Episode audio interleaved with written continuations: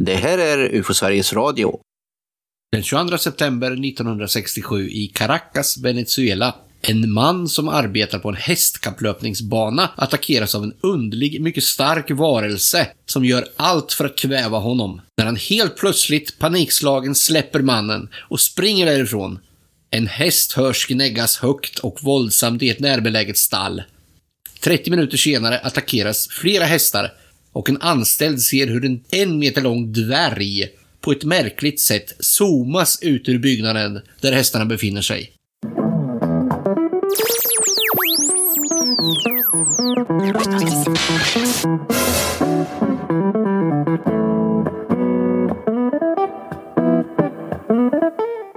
Då ska ni återkänna er varmt välkomna till UFO Sveriges Radio. Och så säger jag välkommen till dig Johan. Tackar, tackar. Som ni hör vid mikrofonerna idag sitter alltså Johan Gustafsson och Tobias Lindgren. Vad har vi tänkt att prata om i det här avsnittet då? Ja, vi tänkte ju ta och göra en liten uppföljning av eh, den här lilla, ska vi kalla den eh, preliminära följetongen i alla fall, som eh, drogs igång för, eh, det är några månader sedan nu va? När... Ja, det var precis före jul här. Det är en serie som heter High Strangeness, eller Hög märklighetsgrad. Hög märklighetsgrad, ja. Och vi får väl se hur märkligt det blir då, men vi säger väl att det här är del två av den då. Ja, det tycker jag. Vad menar vi då med det här med hög märklighetsgrad? Ska vi dra det igen? Det kanske vi gjorde i förra podden. Ja, men vi kan väl eh, nosa lite på begreppet eh, hög märklighetsgrad. Ja, det är ju lite grann eh, vad man lite löst brukar kalla de rapporter som ja, har en väldigt hög märklighetsgrad i sin beskrivning. För det är ju viktigt att kanske understryka det att det är inte alltid så i de här rapporterna att man har undersökt dem till punkt och prickar och därigenom kunnat konstatera att de verkligen håller måttet. Utan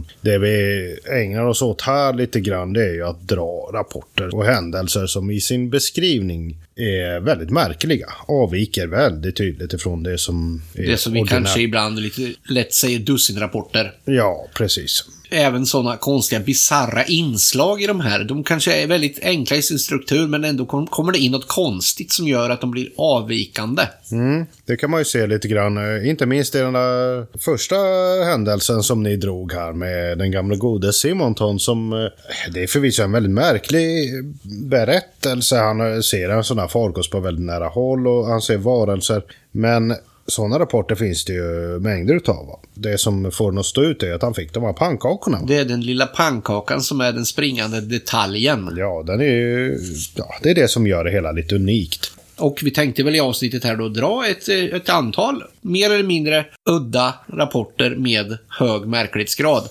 Ska väl också säga att det är väl väldigt mycket upp till, till betraktaren att avgöra lite vad som man själv tycker är märkligt. Ja, det tycker jag. Det, det finns ingen tydlig definition, definition där, va? utan det är lite, lite godtyckligt får man väl medge, men det är upp till var och en. Vi fick ju ett litet provsmak här precis i ingressen här. Det var någon händelse i Caracas som du drog lite i all hastar. En sån sorts rapporter som man ändå skulle kunna betrakta som väldigt märkliga, va? med hög märklighetsgrad om vi fortsätter på det spåret. Med en humanoid som kommer och angriper en person, lite typiskt just Sydamerika, får vi väl understryka. Så vi fortsätter väl på det spåret så får vi dra några till. Väldigt tidig sådan från den här eh, luftskeppsvågen som vi absolut ska göra en podd på framöver. Ja, det får komma. 1897 i USA. Den här gången är det den 26 mars i Sioux City, Iowa. En kille som heter Robert Hibbard är ute. Helt plötsligt kommer det ner en, eh, en krok, ett ankare från himlen. Han förstår ju inte riktigt vad som händer, men han ser en flygande maskin. Vet ju kanske inte då på den tiden vad man ska kalla en sån, men en okänd, en okänd flygande maskin. Kroken tar tag i honom och draggar honom då längs marken över 10 meter och sen börjar den försöka lyfta honom då, men eh, han faller av kroken då för att hans kläder går sönder. Det får man ju säga att det är ett tidigt exempel på en sån här fall med hög märklighetsgrad. Ja, det tycker jag. Det fanns ju många sådana här mer eller mindre bisarra händelser eh, som utspelade sig under den här så kallade luftskeppsvågen. Drog över USA i slutet på 1800-talet.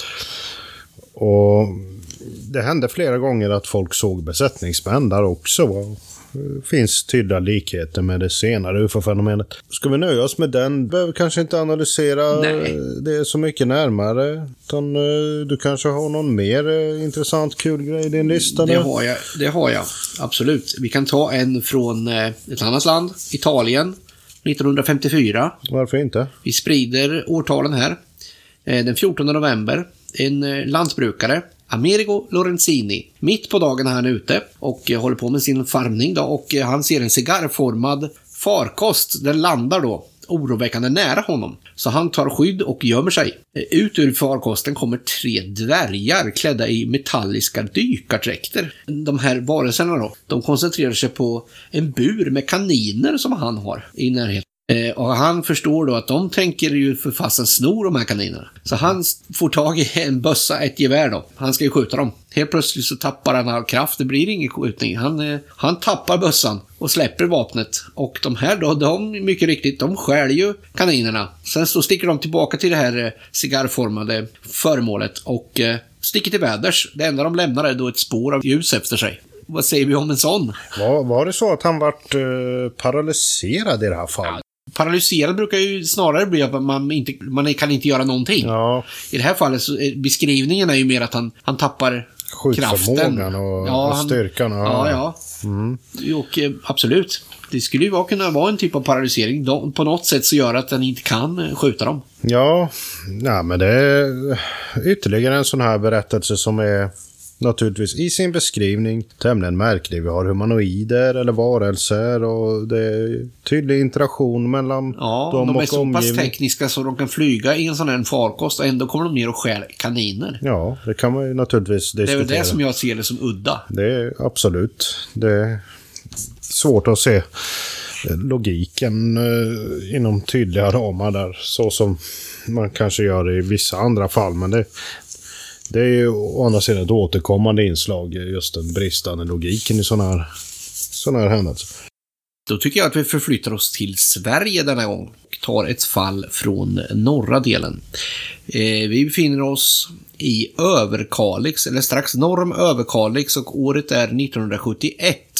Och den då 20-årige Åke Westerberg väntar på bussen. Klockan är ungefär 18 och det är ganska mörkt. Eh, då ser han en liten figur en bit bort och han ropar då några namn då, så för han tror att det kan vara några av hans kamrater, men han får inga svar. Då börjar han gå mot den här figuren. Och när han säger att den är ungefär 20 meter, 20-talet meter ifrån den här figuren då, så helt plötsligt så börjar det strömma ut ett intensivt ljus mot Åke från en liten någonting. Han tror att det är en låda på magen eller möjligen att den här varelsen håller i den här lådan då. Han tycker det blir för ljust så han kan inte titta så han måste stänga ögonen och blundar en stund. När han eh, tittar upp så är ljuset borta men han får åter se det kanske någon eh, halv kilometer bort. Det är, det är så att hela skogen lyses upp. Det är väldigt skarpt och väldigt vitt. Precis innan då så hinner han se en liten konstig man som ser ut som att han har en regnrock på sig med en sydväst på huvudet. Och halvvägs ner på kroppen då så har han den här lådan där det här konstiga ljuset kommer ifrån. Senare på natten då när han eh, ska sova så får han fruktansvärd värk i hela kroppen. Han beskriver det efteråt då, men, men på morgonen sen, dagen efter, då är det helt borta. Märklig händelse. Vad, vad ska vi säga om den? Ja, den är ju egendomlig och vi kanske skulle försöka betrakta det här som en liten eh, teaser till eh, någonting längre om eh, den här figuren. För att det, det här var ju faktiskt inte den enda gången man såg eh, en sån här liten figur uppe i norr vid den här tiden. Den har ju till och med fått ett litet öknamn där. Kallas för den lille mannen. Vi har ju fortfarande inte lyckats reda ut riktigt vad det var folk såg där uppe. Men den här händelsen eh, var ju absolut en av de konstigare observationerna som gjordes av en sån här liten figur under den här perioden. Vi har ju otaliga, ska jag inte säga, men vi har flera exempel på figurer som har haft en låda på magen. Ja, det är ju så. Och då menar jag inte en korvgubbe, utan en, en låda som det kommer ut saker ur. Snarare ljus Ja. som strålar på folk. Mer av någon slags lådkameraliknande modul, fast kanske ändå inte en kamera då, utan Nej, man annat. kanske skulle tänka sig ett vapen av något slag eller Ja. någon grej. Jag tänker på fall som Gösta Karlsson. Gösta Karlsson, jag tänker ja. på Finland, Imjärvi Absolut. och även många utländska fall. Mm. Den 27 februari 1977, också i norra Sverige, har vi en man då som är eh, renägare. Han heter Nils Thomas Labba och eh, han ger sig ut då för att kolla på sina renar då. Han ger sig ut längs Lainioälven. Men eh, det var den 27 februari i alla fall och det är ju snö då så han åker snöskoter. Han åker mot den här sjön som heter Poijaure. Klockan är ungefär 10 på förmiddagen och han kommer fram till den isbelagda sjön mot sin renjord. Och då kan han se en, en grupp människor en bit bort i, i strandkanten kan man säga. Och de är, håller på med någonting. Friluftsmänniskorna som han säger. Det kanske är 100 meter kvar, då stannar han. De vänder sig om kan man säga och får syn på honom. Då, helt plötsligt, när de får syn på honom, de blir rädda. Går några meter och helt plötsligt så försvinner de. Alltså de, de försvinner i tomma intet framför hans ögon. Fyra vanliga människor bara försvinner. Pang! Bokstavligen går upp i rök. Och han står då kvar där och försöker att se vad som händer. Men då, då ser han att det är någon sorts luftdaller precis där de hade försvunnit. Då, då förstår han att det, det, är någonting där, men det går inte att se. Det finns ingen färg sådär, utan det är bara ett, ett, ett luftdaller. Och det här luftdallret som han skriver, det fly, börjar flyga. Det flyger iväg. Det måste ju vara ganska ko konkret ändå eftersom man verkligen ser det. Han kan se det här eh, dallret då, det någon kilometer innan det försvinner bort. Efteråt så vet han ju inte vad som har hänt, men han försöker åka till den här platsen, de här hundra meterna där eh, eh, när han ser det här då. Men eh, det finns inget spår eller något i snön. Det borde ju vara spår i snön där då. Mm. Men eh, nej, ingenting. Nej, ingenting. Ja, eh, där är en omskriven händelse. Var det så att han kunde se någon form av eh, ja, avgränsning på det här dallret? Ja, det var ju, det var ju, ja, det var ganska avgränsat, men det var ändå inte någon skarp kant. Nej, utan det var som ett diffust dallerområde där som ja, figurerna på. Ja, det var ju som, alltså, som värme ja, i, i kylan. Ja, precis, exakt. Ja. Och det måste ju ha varit intensivt eftersom man kunde verkligen se det så pass länge. Ja. Och det var väl inte så där jättestort heller. Först nämnde han 5 meter, mm. vid en mm. senare tillfälle har han nämnt 20 meter. Mm. Och det måste ju ändå varit så pass stort så att fem, eller var de fyra personerna får plats där i? Ja, precis. För det om, ju... om det nu hade varit vanliga människor, vilket den... han trodde absolut att det var. Det är ju den, eh, naturligtvis den, eh, den omedelbara tolkningen att de helt enkelt försvann in i det här, eh, i detta något får vi kalla det. Ja. Och sen försvann uppåt med det. Och att de blev rädda för honom när de såg honom. Ja. Det är en reaktion liksom som man kan ja. tolka där, att de reagerar på honom. Och... Ja, för det var ju precis då som de stack iväg. Den där har ju granskats lite närmare. Den är ju omskriven i Claes Svans böcker och finns ju lite bearbetad så, va, med uppföljande intervjuer och så. Den har väl inte riktigt gått att åtminstone ge någon alternativ förklaring till. Den är ju som... väldigt kort i sin beskrivning. Det är ju inte en enkel händelse. Ja, ja men så är det absolut. Då är vi återigen i nordligaste Sverige. Den här gången Sahavaara, några mil norr om Pajala. Och det är också 1977, den 18 december. Klockan är strax innan 19. Det är mörkt ute. En eh, herre vid namn Bruno Nygård är på väg med sin spark mot hemmet några meter bort. Hundra meter ska det vara, några hundra meter bort. Eh, då ser han ett svagt ljus, eller ovanför skogen lite längre bort, som sänker sig ner mot marken, men det försvinner då. Men ganska snart igen ser han en grej nära vägen som eh, lyses upp av gatlyktorna då. Det ser ut som en stor snusdosa på kant. Och, när han tittar lite mer noga så ser han att det sitter två personer i. På kanten ser han något som liknar en reflex. Och föremålet försvinner igen. Bruno fortsätter sin sparkfärd några meter bara den här gången så får han återigen kontakt med föremålet. Nu ser han hur de här båda personerna, eller vad det nu är, har tagit sig ut ur den här lilla farkosten, eller dosan. De går på varsin sida, håller den ungefär som en korg mellan sig. Bruno då, han stannar till på vägen personerna, de böjer sig ner mot vägen som för att plocka upp någonting från marken. Vilket förbryllar Bruno då eftersom det bara egentligen finns snö och is där. De fortsätter utan att se honom. När de är ett 20-talet meter ifrån, helt blixtsnabbt, så kastar de sig i den här dosan. De alltså hoppar jämfota med lätthet, rakt ner i och sticker iväg. Den flyger iväg. Föremålet lyfter snabbt för att vika av åt öster efter några hundra meter. Sedan försvinner det bakom träden och efter bara ett par minuter så är det borta. Ytterligare ett sånt här ganska så märkligt och minst sagt gåtfullt eh, svenskt fall som vi har här. Och vissa inslag här som är lite fundersamma. Va? Jag menar, det nämndes där med isen och snön och de bara plockar upp, eh, ja, det synes ingenting från backen. Va? Det, det är lite typiskt sånt där förbryllande humanoid beteende. Ja, de var ju väldigt små också. Han skrev att de var som små pojkar. Ja, och det är också en eh, återkommande Och, precis, och beskrivning. att han såg ju när de hoppade i så böjde de på knäna och det var då han fick för sig att det var inte människor. Ja, just det. Så det var en reaktion alltså. Det var Mm. inte människor. Nej, nej. Och det är ju väldigt eh, udda. Och han, det här farkosten var ju öppen. Det var ju verkligen en eh, snusdose-cabriolet. Det Ja. fanns inget tak. Nej. Och han såg det- aldrig att de öppnade någon lucka innan de hoppade in. Utan det var bara instant sådär alltså. Direkt, hopp, in och iväg. Ja, det, ja, snusdosa liksom. Som någon liten eh, karusellliknande grej där som hoppar i och så drar de iväg. Och inget Ja. tak och inga dörrar och ingenting. Utan det är bara ske på. Märkligt så det förslår. Ibland är ju verkligen det osannolika lite väl osannolikt. Ja.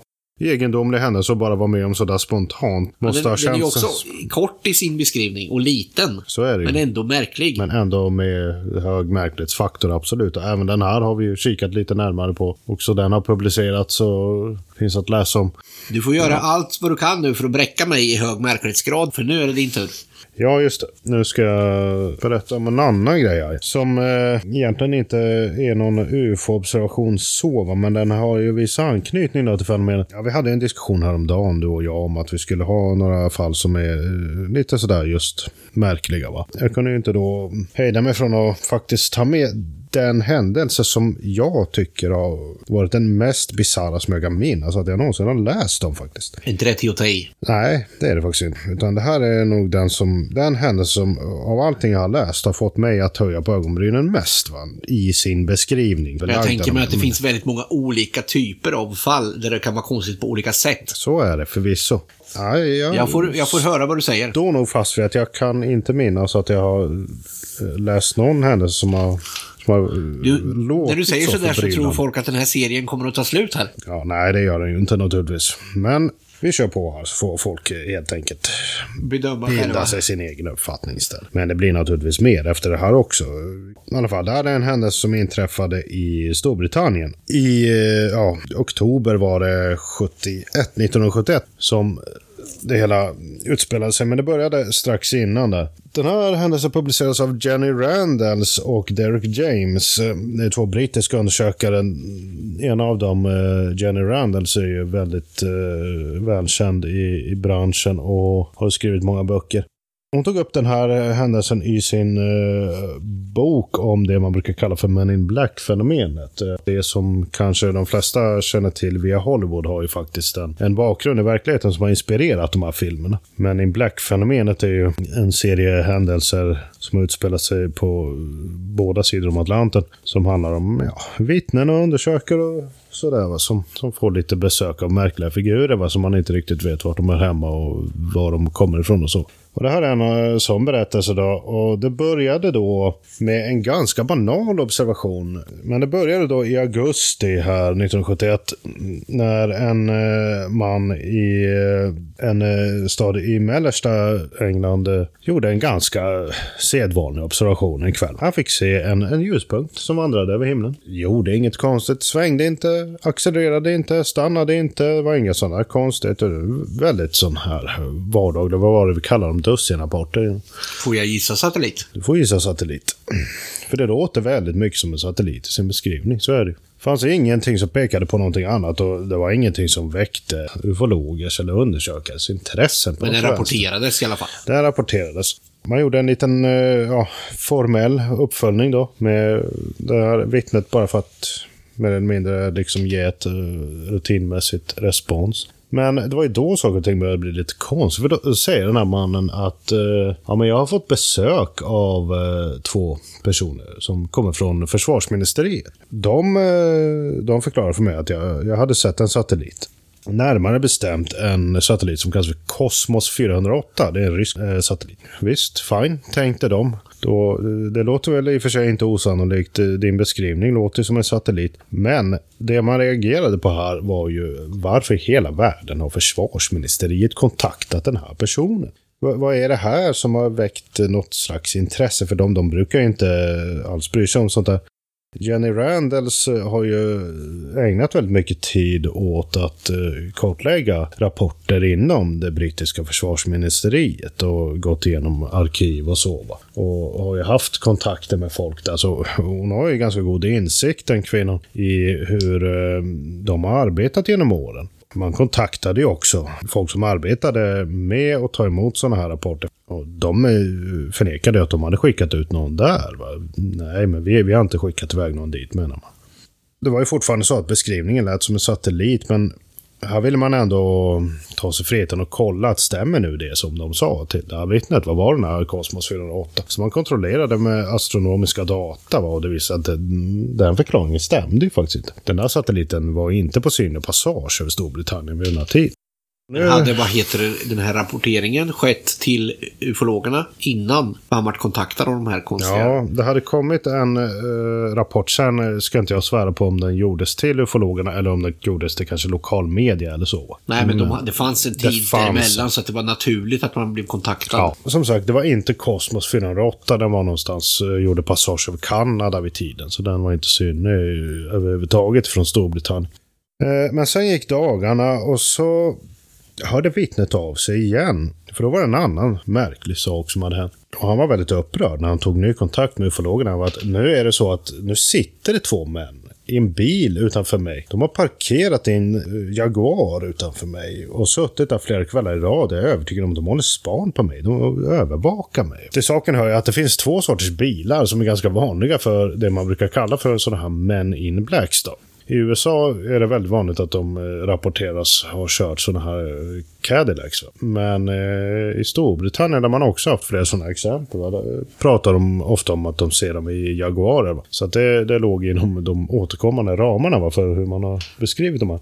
Han var väldigt orolig, va, det här vittnet. Han visste inte riktigt vad vad det skulle bli utav det här. Man försökte komma på en idé vad, hur man skulle bli kvitt de här personerna som satt där utanför. Då var det så att en, eh, en släkting till en av Jenny Randalls kollegor inom eh, den här UFO-organisationen som kallades för UFO-IN en, en sån här lokal organisation.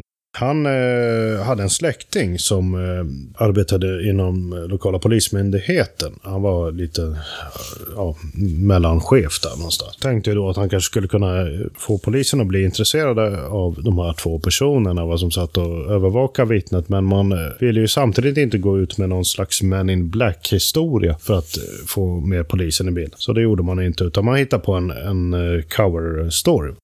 För det här vittnet, han bodde inte så långt ifrån en, eh, en leksaksfabrik. Och då drog man till med att de här personerna sitter förmodligen där för att de planerar någonting, ett rån eller inbrott ovan mot den här fabriken. Med den eh, infallsvinkeln så lyckades man eh, väcka polisens intresse. Då. Så de skickade ut en, en eh, bil med två polismän som eh, ställde sig där en kväll och höll koll själva. Va? Och mycket riktigt, då, då dök den här Jaguaren upp va? och satte två män där. Men de här som satt i Jaguaren, var det de som hade varit hemma hos honom och snackat?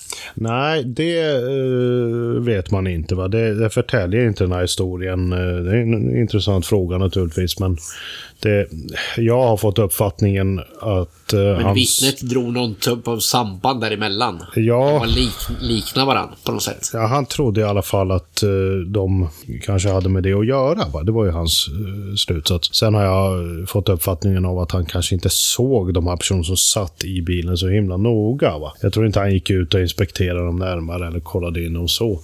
Nej, men han hade ändå känslan av att det var honom de var ja. intresserade av. Jajamän, han ja. var övertygad om ja, ja, att det var honom de övervakade. De sitter där flera kvällar i rad, eh, poliserna. De kommer dit första kvällen bara konstaterar att ja, det, det, kommer en bil. De står där och drog därifrån efter en halvtimme igen, eh, den här Jaguaren då, så den var inte där så jättelänge. De gör alltså inget? Nej, de bara åker dit och sitter där.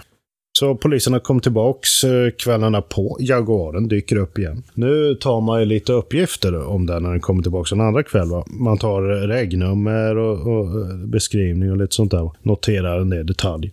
Sen när man är inne på station och kollar man det här regnumret och det visar att det finns inget sånt regnummer överhuvudtaget utan det är till synes falska plåtar. Och nu vart man ju desto mer nyfiken från polisernas sida naturligtvis. Nu ville man ju veta vilka de här två gökarna var va, som satt där utanför i falskplåtade bilar. Kvällen därpå då, då får de instruktioner av sin eh, chef som då är den här släktingen till, till Jenny Randers kollega. Men nu ska ni plocka in de här två personerna så tar vi in dem på förhör och frågar ut dem vad de gör där. Så de parkerar sin polisbil en bit därifrån. Va? På behörigt avstånd. Och så går de fram mot den här bilen. Och då gör man ju så när man arbetar polisiärt. Va? att eh, man går gärna på varsin sida. Så att den ena ska komma upp på passagerarsidan och den andra på, på förarsidan.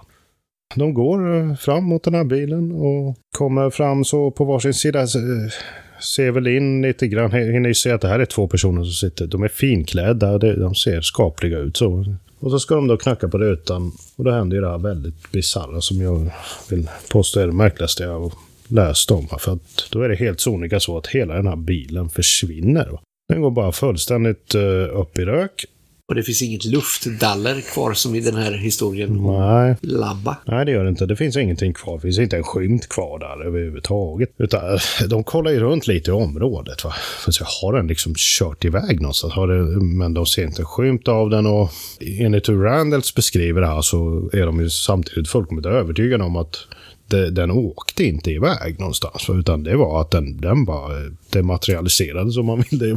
De eh, blir naturligtvis minst sagt förbryllade över det här och vet ju inte riktigt hur de ska hantera det. Men de diskuterar den här saken med sin chef där och då kommer alla de här tre poliserna tillsammans överens om att det här kan inte vi rapportera. Så att de drar ju till med en falsk historia om vad det var som hände i den officiella polisrapporten. De vågar helt enkelt Polisen fabricerar någonting för att komma undan sin ja. egen brist där. De, de eh, drar en, en, en liten... Vals. En liten vals om det hela. Vi kan ju avsluta den här lilla bisarra berättelsen med bara citera Jenny Randalls i vad hon skriver här, för jag tycker hon uttrycker sig lite lustigt här. After discussions between the officers and their senior, a cover story was decided upon. It was not thought wise or indeed possible to enter into the logs that the suspect vehicle and its occupants was last seen heading for another dimension. As one put it, this isn't the Starship Enterprise. What we write has to be possible in the real world. Det var ju så de beskrev det lite grann. Det, det de eh, säger här är alltså att, eh, lite ironiskt, vi kan inte vi kan inte skriva i rapporten att den här bilen såg senast till när den var på väg mot en annan dimension. Utan vi måste hålla oss till logiska, realistiska ramar i det vi skriver i rapporterna. Vi, vi kan inte vi kan inte skriva det här som hände i en rapport. Va? Utan vi måste hålla oss till verkligheten. Allmänt accepterade verkligheten då. då. Så att man, man valde att göra på det här viset. Och, ja, jag vet inte om man ska klandra dem. Det kan ju vara svårt att kanske skriva om sådana här grejer inom ett sådant yrkesområde alla som skulle råka ut för det skulle väl tappa hakan naturligtvis. Och fattningen. Ja, det vill jag väl påstå.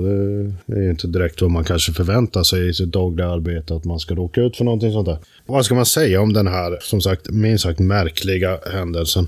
Ja, som jag sa innan här är det ju jag har inte stött på någon eh, berättelse som i sin beskrivning når en så här hög märklighetsgrad, tycker inte jag. En bil som bara försvinner i tomma intet mitt framför ögonen på två polismän som rimligen inte hade någon som helst tanke på någonting sånt här. Jenny Randalls menar ju då att, eh, att det här har gått till på det här viset. För hon har, hon har undanhållit de inblandade personernas namn. Va? De är kända för henne och för hennes kollegor. Ja, nej, men eh, Randalls skriver ju så här i sin bok om Men in Black-fenomenet eh, i början på det här stycket där hon diskuterar det här fallet. Eh. We may have to take Hopkins' idea about other dimensions seriously when we consider the following case. Och Det är det här fallet. Unfortunately, I must protect the individuals involved for reasons that will be explained. But I had sufficient association with this case to confirm that the story is genuine. Enligt hennes åsikt i alla fall så är det här ett genuint eh, fall va? som har gått till så som det har beskrivits.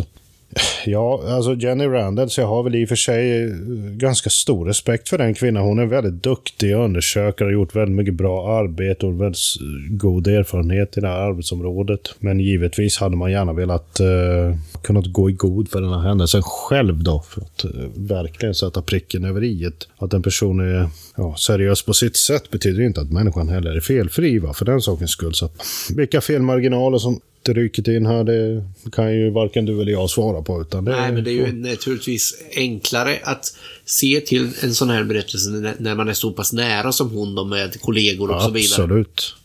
Det, Det är då. det är onekligen så. Om det, om det inträffar långt bort i något annat land och man inte har någon som helst relation till händelsen eller personerna som råkar ut för någonting. Då är det svårare att ta till sig det. Då får man ju göra en liten distans, eh, ja, bedömning utav läget där och det naturligtvis inte detsamma som att ha förstahands erfarenhet av ärendet i sig. Men du vet vad du har gjort nu. Du har lockat in alla lyssnarna i Men in Black-fenomenet. Ja, nej, men det måste vi naturligtvis fördjupa oss lite mer i. Den som lyssnar på UFO Sveriges Radio kommer inte att bli... Besviken. Jag tycker vi är nöjda för idag. Jo, vi har ju åtminstone slängt ihop ett litet axplock här av lite sådana här märkligheter i sin beskrivning. Så vi får väl kalla det slutet på del två i ja, hög märklighetsgrad.